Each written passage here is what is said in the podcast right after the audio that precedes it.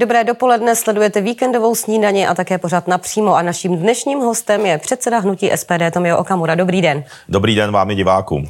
Máme, pane předsedo, dva týdny po prezidentských volbách a na politickém kolbišti to o, místy vypadá, že tam probíhá souboj o vůdce opozice. Vnímáte to taky tak? Já to tak nevnímám. Ani třeba s ohledem na, to, na ta vyjádření Andreje Babiše poslední? Tak opoziční strany jsou tam dvě. Andrej Babiš se před volbami jasně vyjádřil, že pro něj není partnerem jako koaliční strana SPD, čímž řekl jinými slovy, že jediným koaličním partnerem hnutí ANO jsou strany Fialovy vládní pětikoalice a tím se potvrdilo, že SPD je jedinou skutečnou opoziční stranou ve sněmovně. Potvrdil to sám Andrej Babiš a nám ta e, situace vyhovuje, protože my skutečně chceme, aby Fialová vláda skončila, protože škodí České republice, miliony lidí je v chudobě. Tady mám na papíre všechny ty statistiky i mezinárodní, miliony lidí se dostává do problémů, e, milion seniorů e, už, je, už je v chudobě, 40% samoživitelů už nemá peníze, rostoucí dluhy mají čeští občané kvůli fialově vládě, takže my jsme tou hlavní opoziční stranou a my budeme bojovat za zlepšení životů běžných občanů. Nebojuje hnutí ano proti tomu tež? Tak je to samozřejmě otázkou, to je spíš otázka na hnutí ano, ale to, že řekli, že jim jediný, že Andrej Babiš vlastně sdělil, že jejich jediným koaličním partnerem jsou strany Fialovy vládní pětikoalice, to tak to si přímo. myslím, že... Tak, řekl, že... Vyjádřil se jenom o vás, neřekl přímo, že jeho no partnerem tak, jsou ty, tyto strany, te, takhle tak, vy si to vykládáte, ale, ale on řekl, že vlastně myslím, pokud že, by bylo hnutí ano ve vládě, že vy byste tak nebyli její koaliční všichni víme, že v poslanecké sněmovně jsou pouze strany vládní pětikoalice, a hnutí ANO a SPD v okamžiku, že řeknete, že ta druhá koaliční strana, že s ní nechce programově spolupracovat, eh, právě eh, tak z toho přeci logicky vyplývá, že jediným partnerem jsou strany Fialovy vládní pětikolice a my s tím nesouhlasíme, protože já si myslím, že v opozici bychom měli táhnout za jeden pro vás proti Fialově vládě. Myslím si, že bychom měli udělat maximum pro to, aby Fialová vláda skončila a tyhle ty vyjádření Andreje Babiše mě zklamaly a rozhodně se mi nelíbí. Na druhou stranu mi vyhovuje ta pozice, že SPD je tou jedinou skutečnou opoziční stranou, protože my za to zlepšení těch životů běžných občanů a za ukončení fialové vlády opravdu bojujeme a bojovat budeme. Máte strach eh, o voliče hnutí SPD? Nemůže se SPD stát něco podobného, co třeba sociální demokracii? Tak ten politolog Jelínek je bývalým exponentem neúspěšné ČSSD, která propadla ve volbách, ale zpátky eh, k Andry, takže je v něm taková určitá trpkost. Ale eh, co týče Andreje Babiše, tak viděla jste, že jsem se tady musel opravdu usmívat, protože typická eh, proklamace Andreje Babiše, kdy Andrej, Andrej Babišovi se drolí jeho vlastní hnutí, nejvyšší představitelé jeho hnutí, například místo předseda Ivo Vondrák i primátor Ostravy Macura, tak Byli řekli, dva lidé, ale tak řekli, no tak ono místo předseda hejtman a poslanec, eh, je to jeden z nejbližších spolupracovníků Andreje Babiše, řekli, že budou volit a vyzvali voliče, ano, aby volili Petra Pavla. Eh, tak to znamená, postavili se Andrej Babišovi, to znamená, on nemá pod kontrolou vlastní hnutí a teď se snaží právě těmito vyjádřeními odlákat pozornost od problému hnutí ano. A já vám řeknu, jaká je realita. SPD existuje, respektive Tomio Okamura existuje vedle Andreje Babiše ve sněmovně již třetí volební období. Když jsem vstupoval do politiky, tak jsme měli nějakých 6% a teď jsou to samé dvouciferné výsledky a děkuji našim voličům, volí nás pravidelně přes půl milionu občanů. To znamená, hnutí SPD vedle hnutí ano vždycky posilovalo a já vám řeknu proč.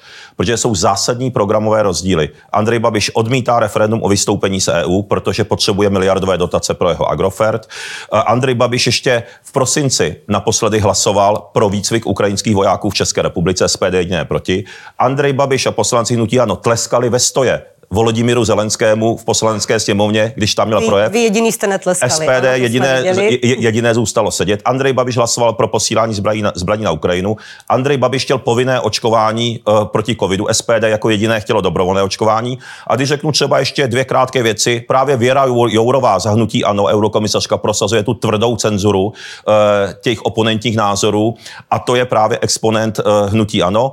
A na závěr Andrej Babiš hlasoval pro přijímání islámských migrantů do České České republiky z Afghánistánu, už tady na základě toho taky jsou, když byl ještě premiérem. Takže těch programových rozdílů je takové množství a naši voliči to vidí, a to bych mohl ještě dlouze pokračovat, že samozřejmě naši voliči přesně vidí rozdíl mezi hnutím ANO. Ano je pro unijní strana, SPD je jedinou vlasteneckou konzervativní stranou a právě proto nám ty voliči přibývají. Voliči tomu velmi dobře rozumí, voliči SPD. Takže uh, Andrej Babiš tady teďka prostě se snaží zamaskovat ty své vlastní problémy v tom vlastním hnutí, uh, kdy, kdy tam má revoltu. Takže já to beru s úsměvem a pořád platí, že my budeme rádi spolupracovat s každým, kdo chce zlepšovat životy občanů. Máme i programové přesahy s ANO, to znamená společně jsme zvyšovali důchody, uh, protože hnutí ANO nemělo většinu ve sněmovně, vždycky SPD proto hlasovalo. Uh, společně jsme zrušili super hrubou mzdu, to byl návrh SPD, takže všichni lidé v České republice mají díky to byl SPD. Návrh ODS, ne, ne, ne, to není pravda. My jsme to měli v programu. to i díky ODS. My jsme to měli v programu a potom jsme se na to shodli tři strany. Eh, návrh SPD bylo zrušení daně z nabití nemovitosti, paušální dam pro živnostníky, všechno nám prošlo a já znova říkám, takže SPD má konkrétní uh, uh, programové, programové výsledky pozitivní pro miliony občanů, to už je z minulého volebního období. A, a já chci jenom říci, že my budeme vždycky rádi spolupracovat s jinou politickou stranou. Andrej Babiš mě zklamal tím, že lhal v, v, v tom vašem spotu, protože my jsme jasně řekli, že v druhém kole prezidentských voleb nepodporujeme, nedoporučujeme podpořit eh, kandidáta, který je podporován fialovou vládní koalicí. Tedy Petra nepodpo- Pavla jsme řekli. Zároveň jste ale nepodpořili, ale explicitně, e- explicitně jste nepodpořili Andreje Babiše. Ne, ne, explicitně Dokonce vám to vyčítali na vašem Facebooku vaši voliči, hmm. že vlastně tímto ne, ne. jste je zklamal a bylo jich několik, dokonce o tom, o tom vyšly články, ne, ne, ne. že vlastně ne, ne, ne, vy jste sám tak jinak. trochu přispěl tomu, eh, co se nakonec stalo, že to... kdybyste vyjádřil tu podporu otevřeně, že by to možná mohlo dopadnout Tak jinak. tam to bylo jinak, my jsme explicitně řekli, že nepodporujeme kandidáta vládní pětikoalice Petra Pavla, respektive podporovaného vládní pětikolicí. A proč jste neřekli, podporujeme, běžte volit Andreje no, Babiše? No, protože mezi našimi voliči, a ukázali to i následné průzkumy, je mnoho voličů, kteří nemají rádi Andreje Babiše a nechtěli volit Andreje Babiše. Ale zároveň uh, váš kandidát Bašta nedostal uh, tolik hlasů, jako jste možná to předpokládali, je, ani takové procento, jak, jako, je, jako, vy, jako vy dosahujete. Tak čím si to vysvětlujete? To je úplně v pořádku, protože z tý, uh,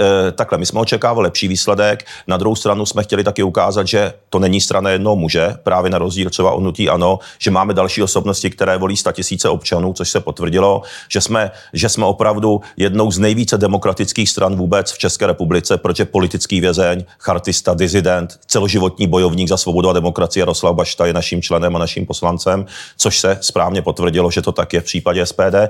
A, ten, eh, a eh, to, že z toho mediálně udělali ty, eh, ty mainstream média vlastně tu volbu Babiš, antibabiš, Jo, jako, tak to se skutečně stalo a to přispělo k tomuto, eh, k tomuto výsledku, mimochodem výsledku v druhém kole, kdy přesně se stalo to, na co jsem upozorňoval, že Andrej Babiš nebude mít v druhém kole šanci, protože se proti němu semknou ostatní. A tím hlavním důvodem, proč ale Andrej Babiš neuspěl, proto mě zklamal, že, lhal, že lhal doslova v tom přímém, v, tom, v, v té vaší reportáži, že my jsme explicitně řekli, že nepodporujeme Petra Pavla jako ale kandidáta pod, jste explicitně koalice. podporujeme Andreje ale Babiše. proč bychom to říkali, teď náš volič je inteligentní dostatečně a ví, eh, že jsou ty kandidáti no to dva. vypadalo, že nepodporujete vlastně nikoho. Ale spoust... Že vlastně dělejte si, co chcete a vy jste ale... zároveň říkal, eh, vlastně já respektuju to, že pan Bašta eh, hodí vlastně prázdný, prázdný papír v obálce nebo vůbec nepůjde no tak, k volbám. No tak to určitě plně jsem respektoval, protože jako člověk, který ho normalizační komunisti zavřeli jako 21-letého studenta na dva a půl roku do vězení za politické názory a když v druhém kole prezidentské volby se ocitli dva normalizační komunisti, tak Jaroslavu Baštovi doufám rozumíme všichni v jeho postoji. Kdo by, kdo by chtěl být dva a půl roku ve vězení za, za názory v době normalizace. To si myslím, že teda Jaroslav Bašta, poslanec SPD, je velkým hrdinou a velmi odvážný a poté šel ještě podepsat chartu. Eh, to, to, to znamená, nevzdal ten svůj boj za, za svobodu a demokracii. Takže SPD má takové skvělé osobnosti, já jsem na to rád. Ale Andrej Babiš mě zklamal tím, že místo, aby přiznal své problémy vnutí ano, a tím hlavním důvodem jeho neúspěchu je skutečně to, že si nezískal podporu ani uh, u voličů ANO a u svých nejvyšších představitelů, což je ten problém, tam je to gro těch voličů, uh, že tam má tu revoltu, tak se to snaží vlastně hodit na někoho jiného, což mě zklamal lidsky, protože já jsem myslel, že on jako, on jako nebude házet ty své problémy na někoho jiného. My ty problémy nemáme, my o něm nemluvíme. Já mluvím o ostatních politických partnerech tak, že s nimi chci uh, prosazovat lepší řešení pro občany a pozitivně pracovat, nepomlouvat je. Uh... Vy jste vyzýval Andreje Babiše, aby, aby vlastně eh, složil kandidaturu na prezidenta, aby, aby, se, aby se neúčastnil toho boje o hrad eh, s tím, že vlastně eh, pan Baštaš by byl lepší kandidát, že máte nějaké průzkumy, že vlastně ve druhém kole by Andrej Babiš nemohl uspět. Myslí, myslíte si, že váš kandidát, kdyby toto Andrej Babiš udělal, že by uspěl lépe, že by se vůbec do toho druhého kola dostal? Ze všech těch našich interních dostupných analýz a potvrdilo se to, jsme nám vycházeli výsledky, že Andrej Babiš právě v druhém kole nebude mít šanci jako opoziční kandidát, protože on rozděluje společnost. To znamená, ten strop je prostě... A pan Bašta, když sliboval tak. odvolat vládu, nerozděloval společnost tím spíš, když mnoho, no tak, mnoho vlastně ústavních právníků poukazovali no tak, na tento krok, že je, by jako byl protiústavní? Tak, tak pozor. Jedna věc je politické názory a mnoho ústavních právníků nebo někteří, třeba pan Koudelka a další, tak říkali, že to je možné na základě ústavy odvolat vládu a samozřejmě není na to žádný rozsudek ústavního soudu, jenom upozorňuji a to víte. Takže v případě, že by se to někomu nelíbilo, tak, eh, tak samozřejmě lze to podat k ústavnímu soudu a ten rozhodne, to je úplně legitimní demokratický proces. Proč to nechtěl udělat Ale... třeba Miloš Zeman, když ho o to, když ho o to vlastně no, to uh, v petici, v petici uh, to se žádali Miloše Zemana, já nejsem Miloš On řekl Zeman. právě, že by to bylo protiprávní. Já nejsem Miloš Zeman, sám, sám Miloš Zeman Zeman, jak víte, tak to v roce 2013 prosazoval a potvrdili to i další ústavní právníci a uh, psali o tom všechny mainstreamová média, takže vidíte, že ono je to asi celkem jakoby na vodě, protože jednou prosazuje, jednou ne tedy. Ale chtěl jsem říct jednu věc, že uh, samozřejmě se potvrdilo, že v druhém kole, kdyby celá opozice pod, podpořila Jaroslava Baštu, včetně Andreje Babiše, tak by tu šanci měl mnohem větší, protože řada voličů pěti koalice nechtěla ve skutečnosti i třeba volit Petra Pavla, co se ukázalo i z toho povolebního průzkumu průzkumu, že někteří dokonce volili Andreje Babiše i z voličů pěti koalice. To proběhlo na Českém rozhlasu, ten průzkum a podobně. A, eh, a právě proto, že nechtěli volit eh, vlastně tu komunistickou minulost toho rozvědčíka, aktivního rozvědčíka v podstatě Petra Pavla. Eh, kdežto ten Jaroslav Bašta s tou svou čistou minulostí vlastně skutečně prokázal ten bojovníka za svobodu a demokracii, měl šanci oslovit i další voliče. To se potvrdilo. Samozřejmě Andrej Babiš byl silným soupeřem, hnutí ANO má 30%, ale přesně se potvrdí, že jsem upozornil na to, že v druhém kole nemá šanci. A není pravdou, že za to může SPD, že SPD volilo přes půl milionu lidí, Andrej Babišovi scházelo milion hlasů. Takže je to přesně ten důvod, o kterém jsem hovořil já. To znamená, že si nezajistil podporu vnutí ano a neměl by to házet na ostatní, protože mě lidsky zklamal, že místo, aby on uh, takový lídr své strany, tak místo, aby jako chlap přiznal svoji vlastní chybu, tak to hází na ostatní a ještě že to mě opravdu zklamalo lidsky, musím říct. A a nemile mě to překvapilo. Mám to chápat tak, že se spolu s Andrejem Babišem v tuto chvíli nebavíte? Uh, tak já jsem se s ním teda, uh, já jsem s ním neměl příležitost mluvit už poměrně dlouho a po těle... Byl ve sněmovně a po dlouhé době. No tak jak víte, týden. tak on tam moc nechodí, ale uh, takže tam ta jeho účast je skutečně minimální, ale na druhou stranu já se budu bavit opravdu s každým politikem, který chce zlepšovat životy občanů. Já jsem profesionál, mě je v podstatě úplně jedno, co o mě kdo říká. Já chci, aby čeští občané měli měli lepší životy. To znamená, jedna věc jsou nějaké proklamace, eh, když někdo je zklamán ze svého výsledku, když někdo udělal nějaké chyby a teďka prostě uh, chce prostě kopat kolem sebe, ale já jsem na to zvyklý, já jdu za programy, v SPD jdeme trpělivě za tím programem, aby občané, všichni občané měli lepší životy a rád se pobavím uh, s jakýmkoliv politikem, který to myslí vážně, tak rád se, rád se pobavím a chci zatáhnout za jeden pro vás, aby lidé měli lepší životy. Takže já jsem nad věcí úplně, musím říct. Uh, jak už jsem předesílala v úvodu, máme 14 dní od eh, prezidentských voleb a v tuto chvíli začínají ze Strakovy akademie eh, přilítat první vlaštovky eh, vlády o možných budoucích krocích. Ministr financí Zbigněk Stanjura hledá v rozpočtu 70 miliard na ozdravení vlastně státního rozpočtu a snížení deficitu. V tuto, vlastně tento týden už jsme slyšeli několik, několik návrhů, co se týče například zvyšování daní, navzdory tomu, že vlastně od, odporují slibům, které vláda a vládní politici dávali eh, před volbami. Jak byste tu situaci řešil vy? Vy to kritizujete. Já to chápu. Jak byste tu situaci řešil vy, kdybyste byl na místě třeba Zbyňka Stanjury, kdybyste měl v tuto chvíli hledat 70 miliard? Vlastně viděli jsme tu i uh, vlastně seznam návrhu, uh, nervu, uh, 28 návrhů na výdajové i příjmové straně, jak vlastně tomu státnímu rozpočtu, jak do něj nalít těch 200 miliard, tak uh, zhruba v tuto chvíli se bavíme o polovině uh, na příští rok. Kde byste bral, kde byste škrtal? Ano, uh, máte pravdu. Uh, strany Fialovy vládní pětikoalice slibovaly před volbami, to znamená ještě nedávno, že nebudou zvyšovat daně. obelhali voliče, podvedli voliče doslova. Mají a jinou možnost v tuto chvíli? Samozřejmě, že mají jinou možnost. My jsme, hnutí SPD jasně říká, že odmítáme zvyšování daní českým občanům a českým firmám. A pojďme k těm našim návrhům úspor. Za prvé, my prosazujeme, aby se zdanilo vyvádění nezdaněných dividend nad národními korporacemi z České republiky. To se vůbec netýká českých občanů a firm. Takže digitální. Uh, ne, ne, ne, to je ještě něco jiného. Uh, to, to taky, ale to je ještě něco jiného. Uh, takže dneska se vyvádí nějakých 300 miliard ročně. Myslím, že by bylo dobré tam dát to, na to dát tu 15% daň, které odpovídá zdanění dividend v případě, že si český majitel uh, vyplácí své dividendy v České republice. Tady jsou nerovné podmínky. Je to výjimka Evropské unie mimochodem, právě že jdou na ruku nad národním korporacím na úkor našich. Samozřejmě Fialová vláda to nechce udělat, protože leze do zadku uh, Berlínu a Bruselu. Uh, a tady by to bylo okamžitě z těch 300 miliard, které se vyvádí v průměru, v průměru ročně, tak by to bylo 45 miliard. Dále je potřeba ponížit platby takzvaným solárním baronům. E, opět projekt EU. K čemu se tady platí až 30 miliard solárním baronům, když máme nejdražší energie e, e, v Evropě? Je potřeba utnout ty peníze a snížit ceny energií pro všechny občany. To máme dalších 30 miliard. Další věc, teď půjdu k drobnějším položkám.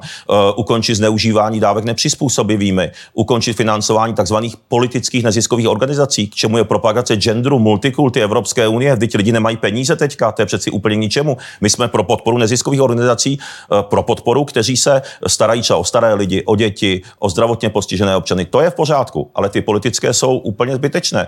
Dále já budu, já, já budu samozřejmě eh, pokračovat. Já bych ponížil i platby Evropské unii. 30 miliard korun. My už jsme navrhli, k čemu to teďka je, když lidi nemají na energie, když máme nejdražší, eh, kvůli fialově vládě, nejdražší energie eh, v EU. Pojďme využít dividendy, které jsou v Česu eh, přes 100 miliard. Teď, teď tady je tolik peněz, nekupujme nejdražší americké stíhačky F-35 za 100 miliard, když nám Švédové nabízí násobně levněji modernizaci Gripenu. Už jsme skoro na 200 miliardách. Mě, mě zajímá, když vy jste ve sněmovně, proč se vlastně nedaří vlastně o těch vašich návrzích také diskutovat? Že vlastně proč se vám nedaří přesvědčit kolegy třeba e, o tom, že některé z těch vašich návrhů třeba můžou být dobré? Je to úplně jednoduché. Ty důvody jsou stručně řečeno dva. Za prvé, je nás jenom 20 z 200 jako opoziční strany. A to je přece o nějakém druhý... kompromis, o nějakém vyjednávání, o nějaké schopnosti diskuze. Uh, tak uh, to máte určitě pravdu. Problém je, že ta vládní pětikoalice, jak vidíte, má klapky na očích a nechce jednat vůbec s ničím. A jak říkám, uh, tady jsou všechny ty statistiky, mám to i ozdrojované.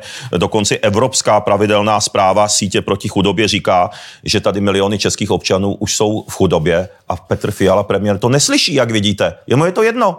Jako my máme nejdražší ceny energii v Evropě, uh, nejdraž, máme jediná země v EU, která se zadlužuje, či, čísla Evropského statistického úřadu za třetí čtvrtletí loňského roku, poslední údaje. Jinak všech, u všech ostatních evropských zemí, těch unijních zemí zadlužení klesá. To znamená, my jsme skutečně nejhorší v Evropě s fialovou vládou. To jsou, oni úplně škodí českému rozpočtu diletanti. Oni ten rozpočet v nějakém, v nějakém stavu uh, přebrali, ještě je tam vlastně nějaká setrvačnost a v tuto chvíli se snaží najít nástroje na to, aby, no tak, aby, abychom se nezadlužovali no, takovou no rychlostí možností. Tak hnutí SPD bylo opoziční stranou i v minulém volebním období, to byla vláda Andreje Babiše, ale e, druhou věcí je ta, no takže samozřejmě tam ta křivka zadlužení určitá byla. E, na druhou stranu my jsme proto, aby se dávali peníze, aby se podpořili mnohem více a taky jsme to ve sněmovně to navrhujeme zdravotně postiženým lidem, rodinám, dětmi. E, e, chceme zvýšit důchody důchodcům nad rámec zákonné valorizace, ale ty úspory, co jdou udělat, jsem vám teďka řekl.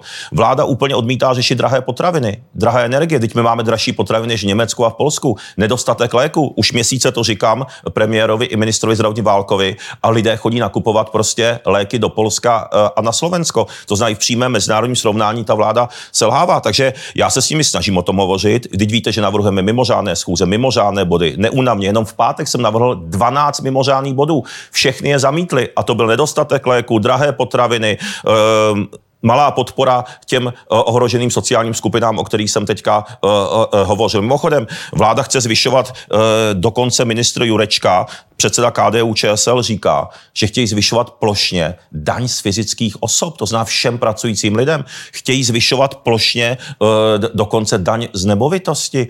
Prostě oni tady chtějí dokonce zvyšovat zdravotní pojištění, jak jste slyšela. Ministr Stanjura říká místo předseda ODS. To znamená, Eh, je to prostě, blíží se opravdu totální prostě finanční kolaps České republiky. A my tomu chceme zabránit a jinou možností je samozřejmě odvolat tu vládu nebo ji ukončit. Teď to je, myslím, zcela jasné. Ale politickými, vám... demokratickými prostředky.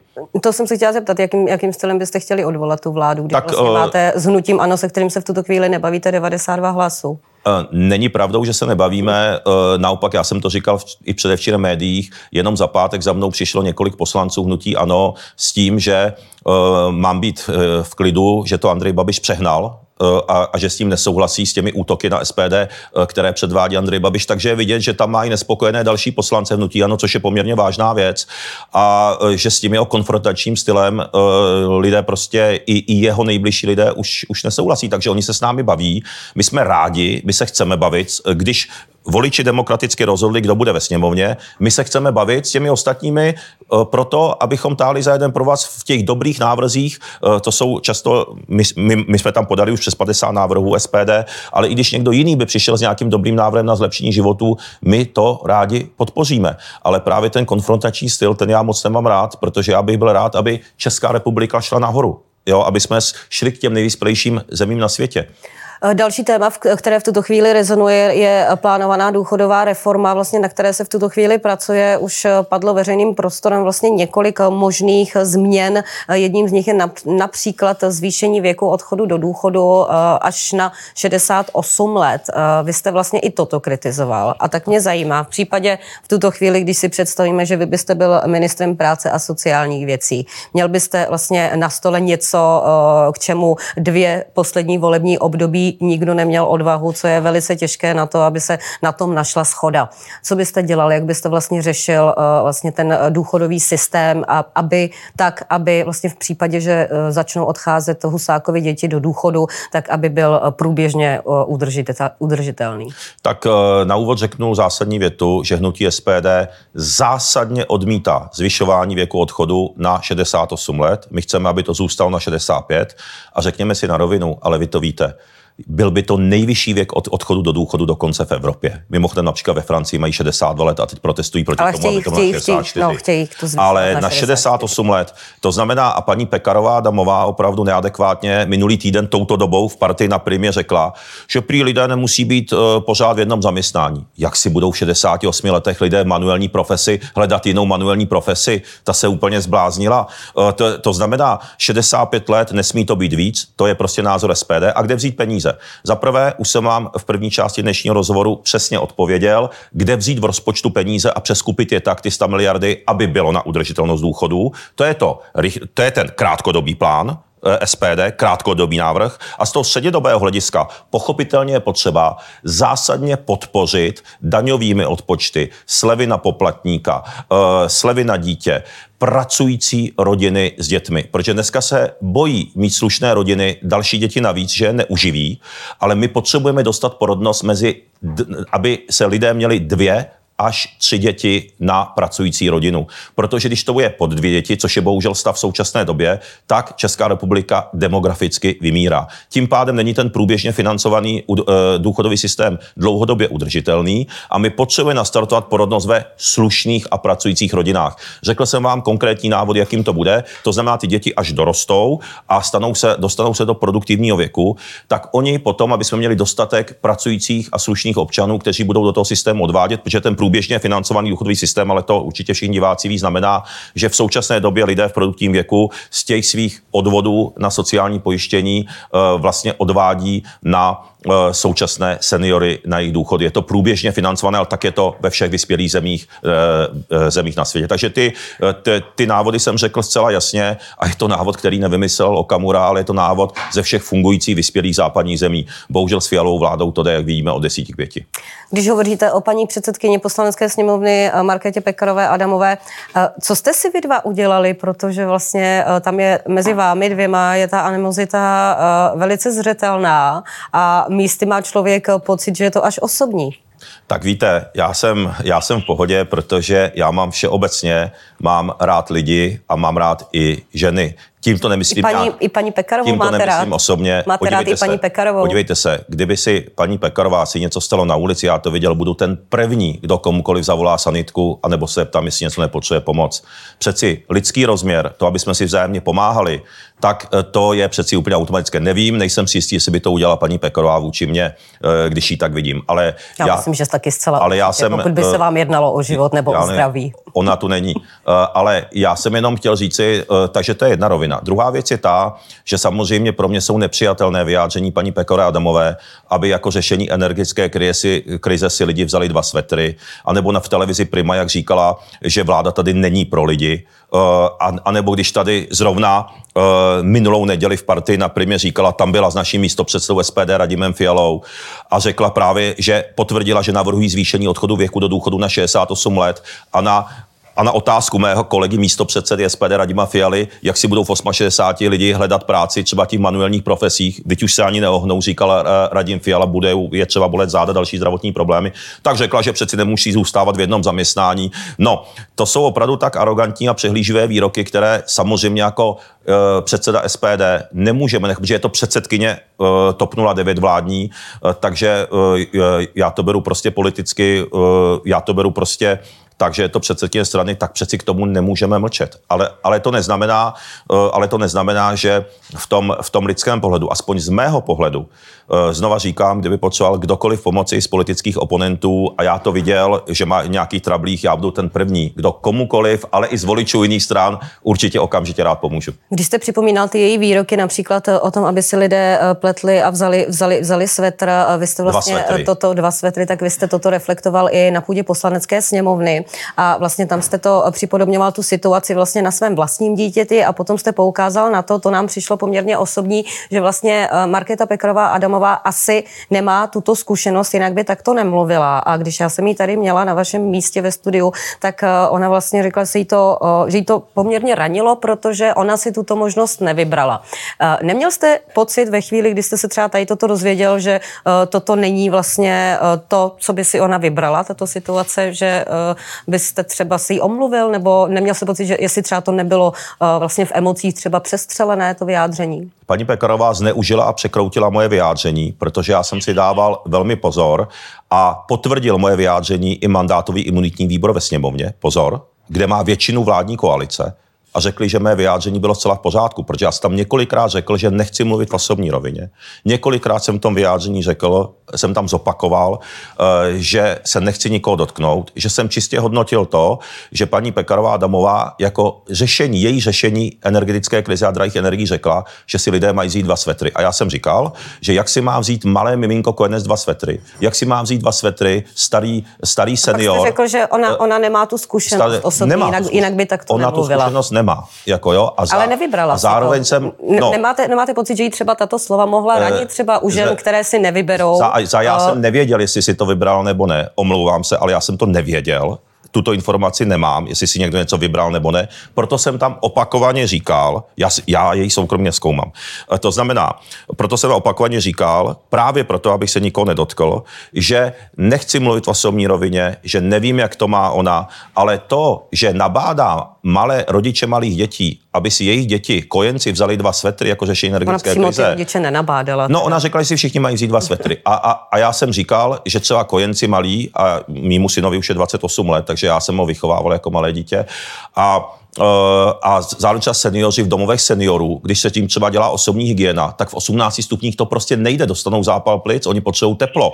Jako, to znamená, uh, bylo to ze strany paní Pekarové Adamové velmi necitlivé vyjádření, za které ona by se měla podle mého všem těmto skupinám a té miliony lidí, uh, prostě rodiny s malými dětmi a seniori omluvit, protože ty její asociální a necitlivá vyjádření opravdu už jejich poměrně dost a já si myslím, tak eh, každý svého štěstí strůjcem. Teď, jsem viděl, že je nejméně populární političkou v České republice, že jí věří nejméně lidí ze všech, tak eh, občané to evidentně vidí a z tohoto pohledu jen tak dál, protože je to konkurenční, eh, eh, je to strana TOP 09, reprezentuje vládu jako nejvyšší představitel a já myslím, že ty názory jsou úplně šílené. Já jsem myslela, že vás tady v závěru pořadu obněkčím, že třeba eh, nastartujeme nějakou novou etapu vašeho vztahu s paní Pekarovou, takže tak- omlouvat se nebudeme. No tak problém je, tak já nevím, za co bych se měl mluvit, znova jsem říkal, opakovaně jsem říkal, Třeba tady toto jsem nevěděl, kdybych toto věděl, tak bych to neřekl. No tak to, podívejte se, kdybych to věděl, tak bych to třeba neřekl, jako pravda, já jsem to nevěděl, protože já jsem opravdu ten, já se snažím ke všem ženám být vždycky gentleman, a ostatně ženy to ví, eh, které znám a pohybují se i třeba v práci kolem mě, ale jako samozřejmě, eh, já jsem si dal velký pozor, abych se nikoho nedotkl. Na druhou stranu paní Pekarová Adamová řekla, že SPD, SPD po volbách eh, nás eh, vlastně urazila více než půl milionu, půl milionu voličů SPD a řekla, že nemáme mít vlastně poměrné zastoupení v orgánech sněmovny. To znamená plivla do tváře více než půl milionu voličů SPD, přitom TOP 09 má méně poslanců než my Piráti, mají čtyři poslance a mají zastoupení všude. To znamená, to, jak paní Pekarová Adamová přistupuje k voličům a přistupuje eh, k jejímu pojetí demokracie, to je opravdu velmi nechutné a já si myslím, že se ani nemůže divit, že je nejméně populární političkou, protože opravdu to její chování už i občané vyhodnocí jako velmi neadekvátní. Pane předsedo, musíme končit. Díky, že jste byl naším hostem. Loučím se a Děkuju neděli. A přeji vám hezkou neděli, ať se vám daří. A loučím se a hezkou neděli přeji i vám, našim divákům. Příští týden se opět uvidíme ve stejném čase. Naschledanou.